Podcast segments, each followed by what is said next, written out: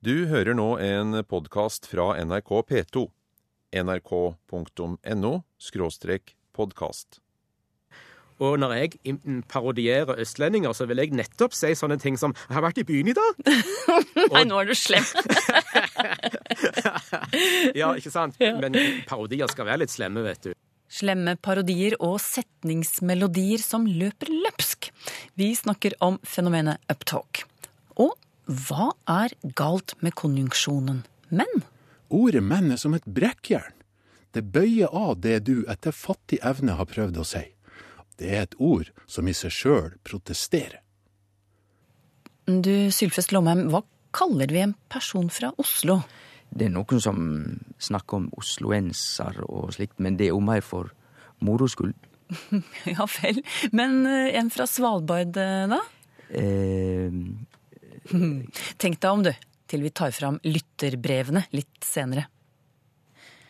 Først i dagens Språkteigen ringer vi en lytter. Håkon Nordli i Bergen, hei. Hei, hei. Du, du stusser over et språklig fenomen som du har observert hos barna dine. Fortell om det.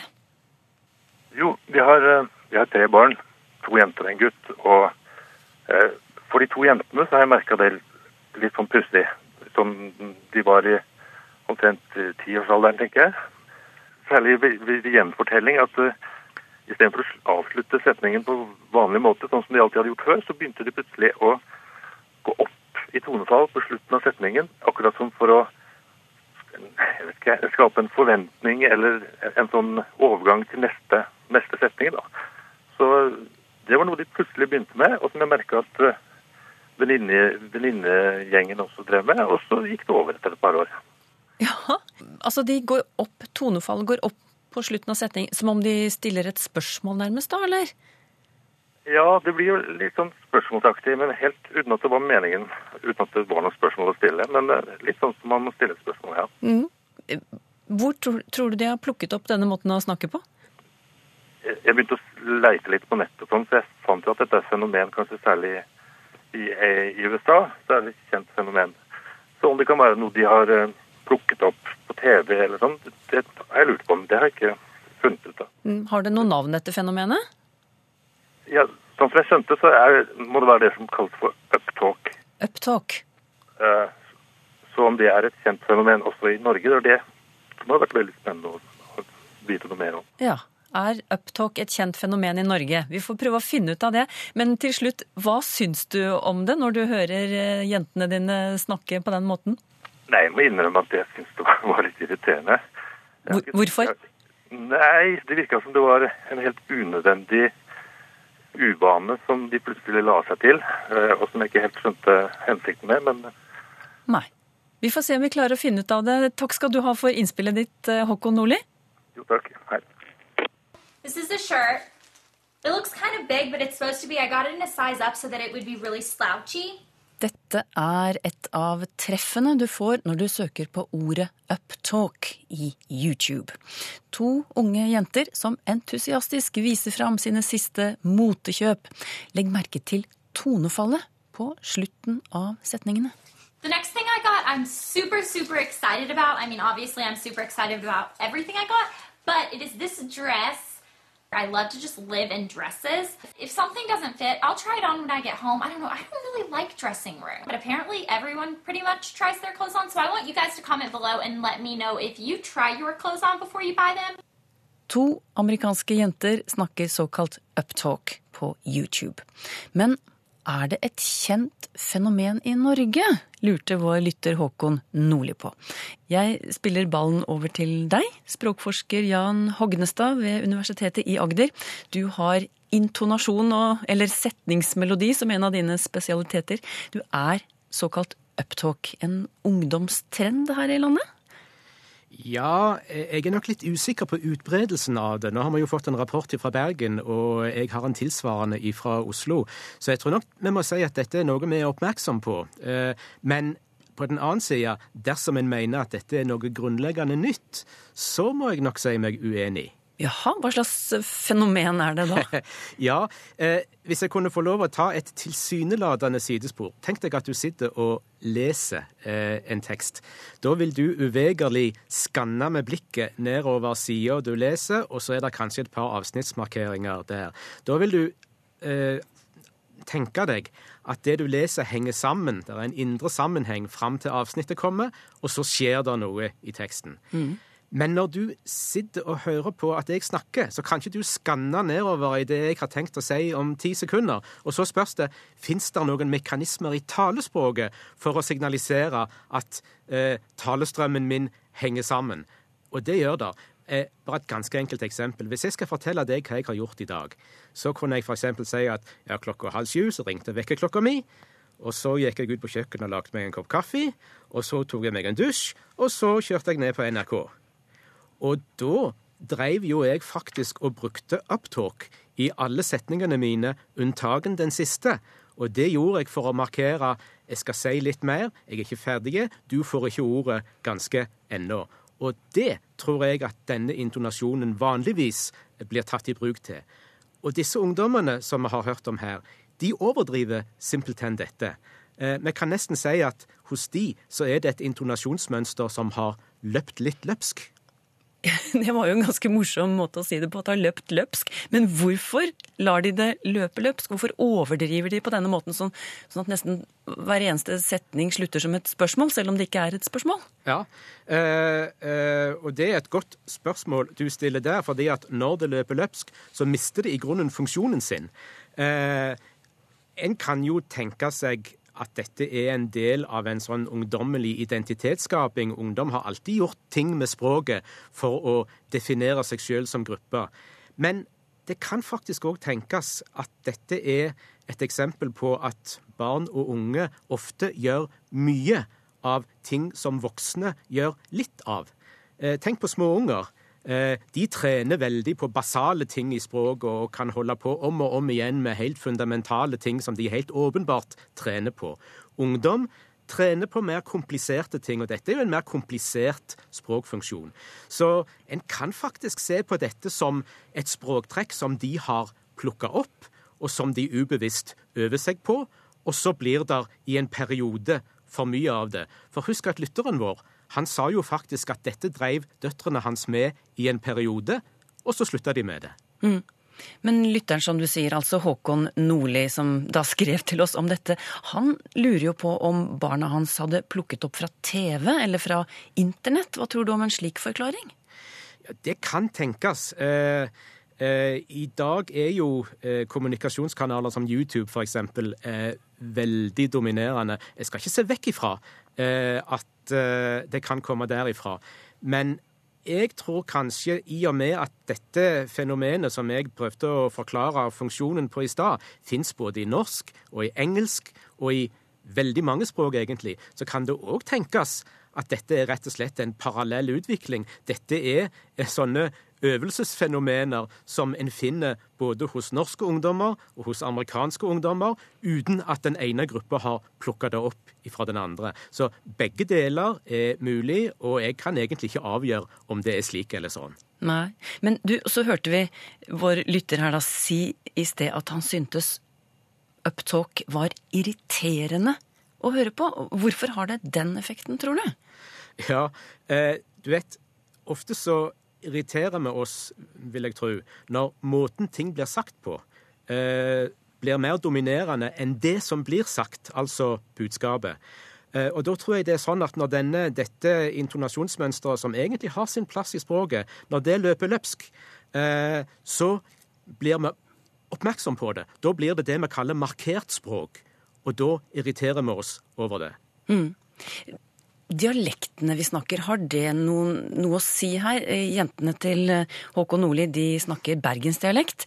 Eh, ville en familie på Østlandet, ville foreldrene der irritert seg like mye om barna deres snakket såkalt uptalk?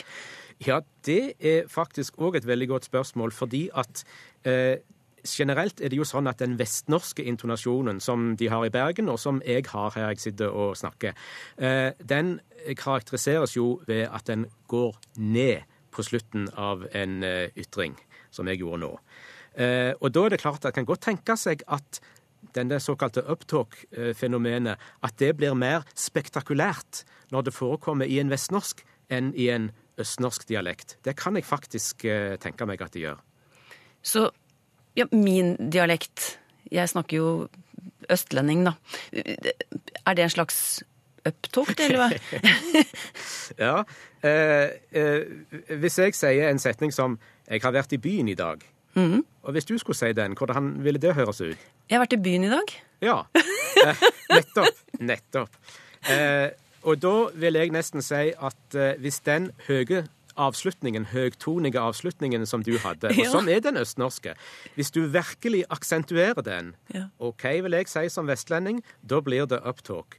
Og eh, jeg vil nesten si at når jeg som vestlending av og til prøver meg på en vennskapelig parodi på østlendinger som deg, eh, så prøv En god parodi er jo en overdrivelse av ting som er karakteristisk i språket. Og når jeg parodierer østlendinger, så vil jeg nettopp si sånne ting som 'Jeg har vært i byen i dag'. Nei, nå er du slem. Ja, ikke sant? Men parodier skal være litt slemme, vet du. Ja. Eh, og det som jeg gjorde nå, det tror jeg eh, en amerikaner som interesserer seg over uptalk, og en bergenser som, seg, eh, som, som irriterer seg over uptalk, vil karakterisere som nettopp det. Så, så om ikke østnorsk i seg sjøl er uptalk, så er parodien på østnorsk helt sikkert det. Ja, det er jeg enig med deg i. Så uptalk, et godt hjelpemiddel for imitatorer, med andre ord. Det òg. Ja, Men Jan Hognestad, begrepet uptalk, kan du ikke gi oss et godt norsk ord for det? Ja, det måtte være et ord for den overdrevne bruken, altså ikke når eh, dette intonasjonsmønsteret brukes på sin vanlige måte. Og disse ungdommelige overdrivelsene de har vi nok ikke noen term for. Vi har nok ikke snakka veldig mye om det i fagmiljøet. Men skulle jeg nå prøve meg på eh, et ord for det, hva med å si at disse ungdommene snakker på opptone? Er det en måte å blinke ut akkurat eh, dette fenomenet på, tror du? Snakke på opptone, jeg syns det var veldig forståelig. Så skal vi bare lansere det, kanskje? Ja, det gjør vi. Snakke på opptone, et godt norsk alternativ til begrepet uptalk. Ja. Ja, takk skal du ha, språkforsker Jan Hognestad ved Universitetet i Agder. En liten fortelling nå fra Rudi Kessel, som har et eksempel på hvordan språket kan kaste lys over lokalhistorien. Brevet er noe forkortet. I bydelen der jeg bor, ligger en gammel, ærverdig fabrikkbygning med fabrikkpipe og det hele, skriver Kessel. Jeg var nysgjerrig på hva slags fabrikk dette hadde vært. Først kom jeg over en kilde som fortalte at her ble det produsert hestesko. Senere snakket jeg med en bekjent som fortalte at moren hans, som hadde bodd i dette området hele sitt liv, hun kalte alltid fabrikken for Sømmen. Min kjenning trodde derfor at her hadde man holdt på med sying, tråkling, tekstiler, men skulle det være nødvendig med en høy fabrikkpipe da? Nei, det rimte ikke helt. Imidlertid, skriver han, da vi knyttet disse informasjonsbitene sammen, da skjønte vi sammenhengen. Det hadde vært en fabrikk som laget hesteskosøm. På folkemunne sømmen. Altså ikke noe sying. Morsomt, avslutter Rudi Kessel. Hvorfor er konjunksjonen og hyggeligere enn konjunksjonen men? Han kommer til det etter hvert, kollega Finn Dag Steiro, når han filosoferer over hvordan vi kommuniserer med hverandre. Språk er noe oppskrytte greier. Det er en temmelig fattig erstatning for det direkte fysiske nærvær. Nå kan jo jeg ikke nå det herre sitt, ikke engang sjå det, så vi to er jo bortimot totalt avskåret fra å kunne forstå hverandre på ordentlig. Jeg opplevde det stikk motsatte her en gang i fjor. Da traff jeg en bjørn i skogen. Vi snakka ikke med hverandre sånn i språket, men vi forsto hverandre 100% for jeg er sikker på det var gjensidig. Akkurat da jeg fikk øye på han, der han gikk og beita oppi småbjørklia, fikk han øye på meg. og vi sto og så på hverandre, jeg vil tippe et halvt minutt, før vi snudde oss, helt samtidig, hver vår vei, og gikk forsiktig videre. Jeg gløtta ut av øyekroken, og jeg er sikker på han gjorde det samme. Og da jeg etter noen meter snudde hodet for å se, så gjorde han det òg. Så stoppa vi liksom litt opp og nikka til hverandre, smilte og gikk så rolig hver vår vei. Komplett og totalt enig. Perfekt kommunikasjon. Bedre enn jeg har hatt med noe menneske noen gang. Men jeg tror det kan være sånn mellom oss folkene òg, når vi lar ordene ligge. Mange ord er bare juks og kan ikke gi oss den minste innsikt i hvordan verden er. Prøv for eksempel å gå ut i verden og finne noe som tilsvarer ikke. Det finner du ikke. Det er et sånt kunstig grammatikkord som i bunn og grunn bare er i veien. Samme med ordet men. Det er et veldig dumt ord. Har du kjent når du samtaler eller diskuterer med noen, hva som skjer inni det når de sier men? Ordet men er som et brekkjern. Det bøyer av det du etter fattig evne har prøvd å si, og som er et utropstegn før ei innvending. Det er et ord som i seg sjøl protesterer. Noe som gjør at du er forsiktig med å si ting du er usikker på, til folk som sier men. Da er det lettere å snakke med folk som sier og, for de aksepterer det du har prøvd å si, og så bygger de videre på det. Skal du kjenne noe rart, så skal du prøve å bytte ut ordet men med og en hel dag. Jeg skal garantere deg en pussig opplevelse. Ikke så pussig som den jeg hadde med Bjørn, men pussig nok. En liten språklig utfordring fra kollega Finn Dag Steiro. Tid for lytterbrev, Sylfest Lomheim. Ja. Og vi begynner med en e-post fra Eva Grøndal. På Grønland kalles en innfødt for inuitt. Jeg er født på Svalbard, Longyearbyen, skriver hun. Hva kalles jeg da? Det veit jeg rett og slett ikke, Eva Grøndal. Og jeg tror heller ikke at det er etablert noe eh, innbyggernavn for de som er fødde på Svalbard i Longyearbyen. Og da kan du kanskje synes at det er jo diskriminerende, hvorfor skal ikke de ha noe navn? Men til det er å si at det finst flere steder i kongeriket Norge der det ikke er et innbyggernavn som er knyttet til navnet på staden. Til og med hovedstaden mangler jo faktisk det. Oslo. Det er noen som snakker om osloenser og slikt, men det er jo mer for moro skyld. Det finst ikke noe tradisjonell nemning for en person fra Oslo, bortsett fra at det er en mann fra Oslo, eller ei kvinne. Oslomann, Oslo-kvinne. Derimot. Bergen så er det bergenser. En fra Arendal, det er en arendalitt. Og sjølvsagt en på Grønland er inuitt, og det ordet tyder forresten bare menneske. På Twitter spør Frank Lande er det bare meg, eller har folk begynt å si mer vanlig i stedet for vanligere? Orker vi ikke å bøye lenger? spør han. Vi orker nok å bøye lenger, men jeg tror at eh, Frank Lande har et poeng. Eh, på norsk har vi to måter å bøye adjektiv på. Gradbøying. Enten meir, mest, eller areast. Eh, pen, penare, penast. Eller mer takknemlig og mest takknemlig på bokmål. Og så har vi det fenomenet som Frank Lande peker på, at adjektivet vanlig. Av og til hører vi mer vanlig, av og til vanligere på bokmål. Og begge deler går an. Jeg tror rett og slett at eh, språkbruken skiller hårfint mellom de to. Det er vanligere å bruke vanligere når vi bare prater flytende og sier at noe er vanligere enn noe annet. Men hvis vi skal understreke noe, da tror jeg at det er oftere eh, behov for å si at dette er mer vanlig enn det. Så jeg tror dette har noe med selve trykket og understrekinga å gjøre. Men når skal vi da vite Ja, når skal vi bruke mer, og når skal vi bruke ere som i endelse? Altså, hva slags kjøreregler skal vi gå etter? Nei, det er nettopp samme med meir vanlig og vanligere. Denne kjøreregelen den henger jo sammen med lengda på adjektivet. Fordi at lange adjektiv de skal alltid ha meir og mest i norsk. Det er bare korte adjektiv i norsk som har are ast. Og det er disse are-ast-adjektiva som, hvis du skal understreke noe, kan ha mer mest. Bjørn Flor spør hva er bakgrunnen for ordet gudehov?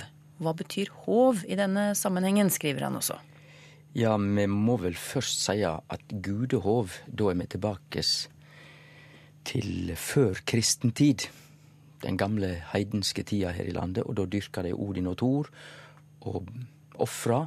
Og da hadde de hov, som dette skjedde i. Det var bygningen der de gikk inn og dyrka gudene sine. Så et gudehov er et eh, Vi kan ikke kalle det et tempel, det var ikke så store bygg, det var trebygninger. Men det var det de gikk inn. Og hov er i slekt med òg et ord som vi finner igjen i haug og høgde.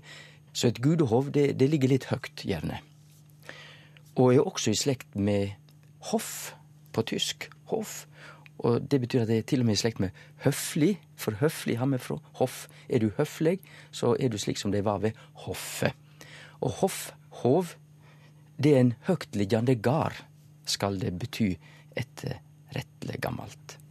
Mats Eriksen eh, skriver Jeg leser og hører mange som benytter seg av uttrykkene å sette spørsmålstegn ved eller å stille spørsmål ved når de vil utfordre en idé eller tankegang. Mats Eriksen synes eh, disse formuleringene er klønete, og spør om de har noe med norsk å gjøre i det hele tatt. Eh, ja, dette er jo vanlig norsk språkbruk, men det er et faktum at veldig mange nordmenn, både i skrift ikke bare i tale, men også i skrift, tuller med verbruken sammen med substantive spørsmål og substantive spørsmålstegn.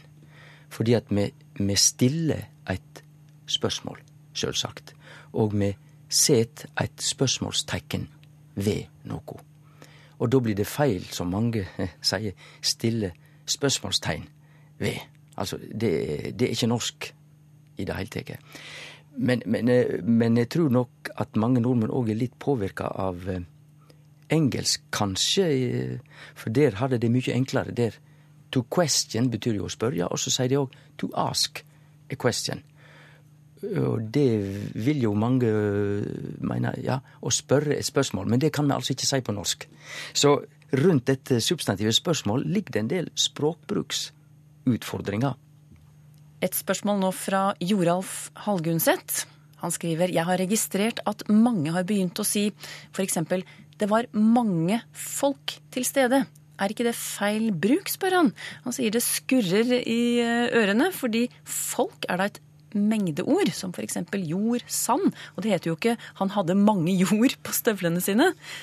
Hva sier fagekspertisen om dette, spør Joralf ja, Hallgundseth. Øh, det fagekspertisen må vel være deg, det da. Ehm, jeg er jo tilbøyelig til å være samd, fordi eh, mange folk skurrer også i mine øyre. Her er vi nok nær den eh, problemstillinga at det kommer litt an på hvor strenge vi er når vi vurderer hva som er rett og ikke rett i språket. Jeg ville sjøl sette en strek der. Det bør heite mye folk, men mange mennesker. Men er det feil?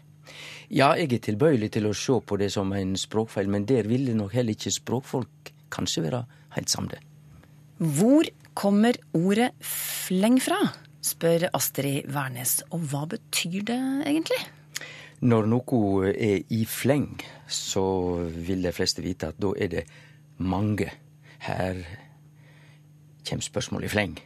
Mange spørsmål, og kanskje litt i tilfeldig rekkefølge. Så det er meninga. Men opphavet det finner vi nok litt østover i Sverige. Og i slekt med verbet å flenja, som betyr å rive av. Og da kan vi tenke oss at ting blir revna av i strimler, så det kommer masse etter hverandre. Og eh, vi kjenner jo òg dette samme ordet i uttrykket flenjande kritikk. Da er den kritikken så hard at den river av. Så det er ordet fleng og flenjande. Helge Berge skriver alle kjenner vi skomaker blir ved din lest, og betydningen av ordet lest, som er formen skoen bygges rundt. Men hva med uttrykket sokkelest? Her i Trøndelag sier vi å gå i sokkelestene, og det betyr at man går uten sko. Men er det riktig? For hva er sokkelesten for noe, egentlig? Ja, på, eh, på mine trakter sier vi å gå på sokkelesten. Så dette er velkjent. Nei, eh, hvis ikke vi går tilbake til ordet lest og sier litt om det, så blir jo dette veldig rart, fordi at i det ene tilfellet er det sko, og i det andre tilfellet er det poenget rett og slett uten sko. Du går bare i sokkene. Da går du på sokkelesten. Men ordet lest, det betyr to ting. Det ene er at eh, det er modell for sko. Så det er ikke selve skoen, men det er den modellen som, som skomakeren legger leret rundt. Det er den ene tyinga av lest. Og den andre tyinga, det er rett og slett fotblad, eller fotstykke. Og eh, hvis vi går på sokkelesten, så går vi bare i, i sokken, og da er det jo fotbladet vi går med på gulvet. Mm. Fotbladet av sokken, altså. Denne utgaven av Språkteigen hørte du første gang 15. januar i år. Men om en uke lover jeg nye temaer og nye lytterspørsmål på gjenhør.